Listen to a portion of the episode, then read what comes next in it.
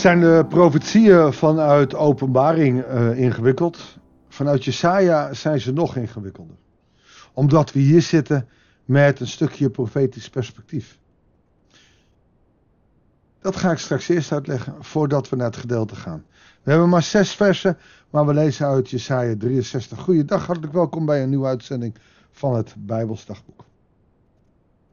Profetisch perspectief, wat wil dat nou zeggen? Is in Jesaja, Jeremia wordt vaak eh, voorzegd dat er iemand komt. En 9 van de 10 keer is dat gewoon Jezus, de Messias, want die werd verwacht.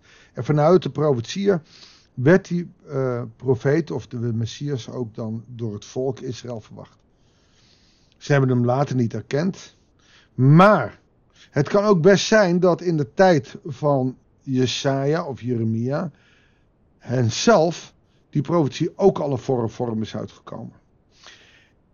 En het kan ook nog doelen op wat komen moet. De nieuwe hemel, nieuwe aarde, oftewel dat. En je zal zien dat in het gedeelte van Jesaja 63, uh, openbaring 14, 15 en 16, uh, overeenkomstige dingen zijn. Dus het is spannend om te kijken wat er uitkomt. Maar hou er rekening mee dat het heel veel lijkt op de laatste hoofdstukken die we in openbaring hebben bekeken.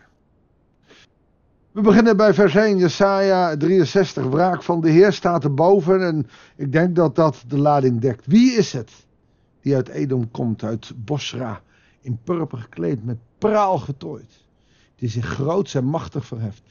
Even waarom uit Edom? Uit Edom kwam vaak niks goeds. Hoewel er ook wel eens overeenkomstige dingen waren, kwamen daar vaak. Het is uit het zuiden, als je vanuit uh, Jeruzalem kijkt, dan is vanuit zuiden uh, komt het dan. Maar er was vaak ook strijd. In dit geval komt daar iemand in purper gekleed en praal getrooid. Je kan, je kan hier bij God denken, je kan hier aan Jezus denken. Het wordt niet helemaal duidelijk. Maar wel iemand die zich groots en machtig verheft. Het is dus een goddelijke macht. Ik ben het die in gerechtigheid spreekt en bij macht is te redden. Dat is een heel belangrijk zinnetje. Ook hier weer het positieve. Hij komt redden wie rechtvaardig is. Weet je nog dat vers met die sikkel? Eerst werd de sikkel over de aarde gelegd en degenen die rechtvaardig waren werden gered. Daarna de sikkel die vernietigde de onrechtvaardigen. Dus ik ben het eh, die in gerechtigheid spreekt, dan heb je het in ieder geval over God. Spreken is dan weer uh, in, in het Oude Testament eigenlijk een uiting van Yeshua, van Jezus. Als God spreekt, Jezus is God spreekt op aarde, maar dan wordt het heel ingewikkeld. En hij is bemachtigd te redden. God kan redden, God geeft redding. Maar dan wordt er aan deze Godpersoon gevraagd: hoe komen uw kleren zo rood? Als de kleren van iemand die in de wijnpers treedt.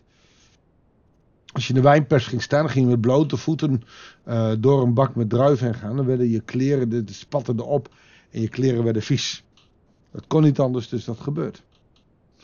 En zo rood als van het wijnpersen, zo rood is de mantel van deze God. Oh ja, zegt ik heb de perskuip alleen gestreden en geen van de volken hielp me daarbij. Ofwel, hij is een enige God. En hij is de enige en hij krijgt geen hulp van mensen. Maar er zijn ook geen mensen die hem kunnen helpen. Ik trad hen in mijn woede, vertrapte hen in mijn toorn. Oftewel, dit is die wraak, die tweede sikkel. Dit is de wraak die God al in Jesaja heeft. In openbaringen ook gezegd wordt. En nog steeds niet volledig geuit is. Dus van al die volkeren die in het verleden keer op keer met handen en voeten getreden werden, dat het volk, maar ook wij als christenen, die constant eigenlijk tegen God ingaan, die, uh, die worden hier gebroken. De woede, de wrath of the Lord, de woede wordt hier, net als in openbaring, heel erg duidelijk. En ik zal je ook eerder zeggen, Ik denk wel eens na over deze wereld en dan denk ik na over God. En dan zeg ik wel eens oneerbiedig, hij zou met geknepen billen naar de wereld zitten kijken. Hij zou zo graag de boel willen opruimen en opschonen. Maar dat zou dan op de weg van het teken van Noach moeten zijn. Hij heeft beloofd dat niet meer te doen. Hij zal verkrampt in de hemel zitten en eigenlijk de boel willen vernietigen, lijkt me zo wel eens. Die woede moet groot zijn, ook als je naar zijn volk kijkt, die in oorlog is. Naar Oekraïne, naar landen in Afrika die constant in oorlog zijn, waar mensen elkaar naar het leven staan.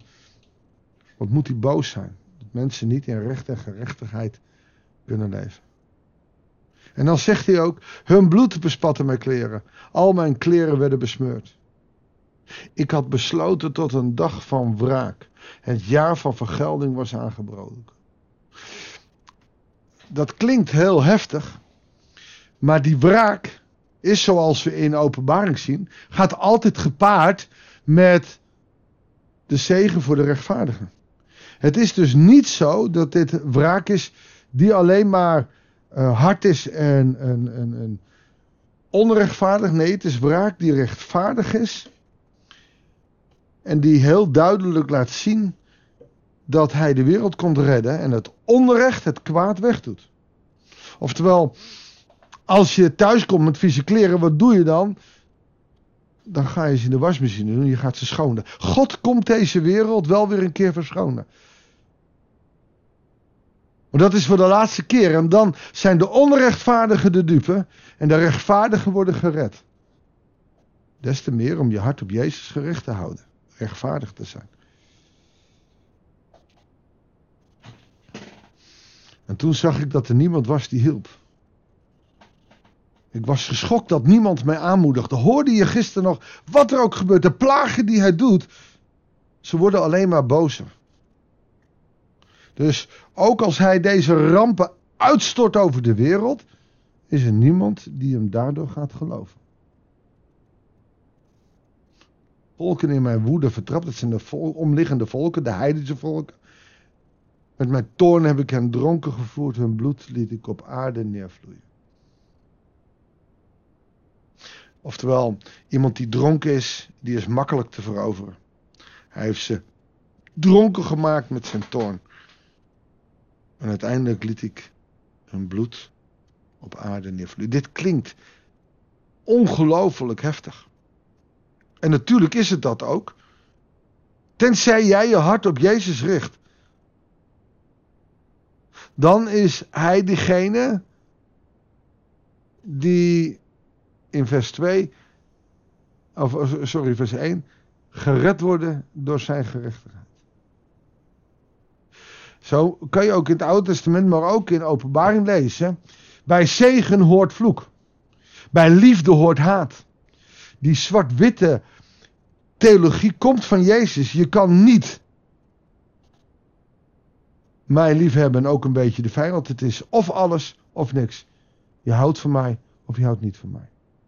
En ik denk dat dat van ontzettend groot belang is om te ontdekken hoe dat werkt. Laten we bidden dat jij je hart op God gericht mag houden. Zodat van deze wraak jij niet de dupe zal worden. Maar dat jij gered mag worden. Niet door je goede daden. Maar door de genade van God. En omdat jij dus gelooft in Jezus. That's all. Lieve God en Vader. Dan denk je uit openbaring even terug te gaan naar een stukje evangelie, maar dan komen we in Jesaja, waarin ook over de dag des oordeels wordt gesproken. En deze profetie is al meerdere keer uitgekomen. We hoeven alleen maar aan de Tweede Wereldoorlog te denken hoe vanuit een verkeerd land zoveel verkeerde dingen werden gedaan, Heere God. Maar ook is het een profetie over dat nog wat komen moet. En het lijkt heel sterk op dat beeld uit Openbaring 16 dat dat de rechtvaardigen worden gered en op de glazen zee staan. En dan, dan worden de laatste oordelen over de wereld geveld, waardoor er vrijwel niemand gered zal worden. En al die plagen die we krijgen, Heer, we zullen niet veranderen. Daarom wil ik u vragen, Heer God, leer ons als gelovige mensen te vertrouwen op u. Vol te zijn van u. Te spreken van u, van uw liefde en uw genade. Zodat steeds meer mensen zullen gaan luisteren naar uw stem. En uiteindelijk als rechtvaardige gered worden en op de glazen zee mag staan. Tot het oordeel is gekomen en dan opgenomen worden in de hemel. En als dan de nieuwe hemel en de nieuwe aarde is, dan zullen ze ons voorgaan. Heer, zegen ons in dat geloof. Geef ons ook moed om door te gaan. Dat bidden wij u in Jezus' naam. Amen. Dankjewel voor het luisteren. Ik wens je God zegen. En heel graag tot de volgende uitzending van het Bijbels Dagboek.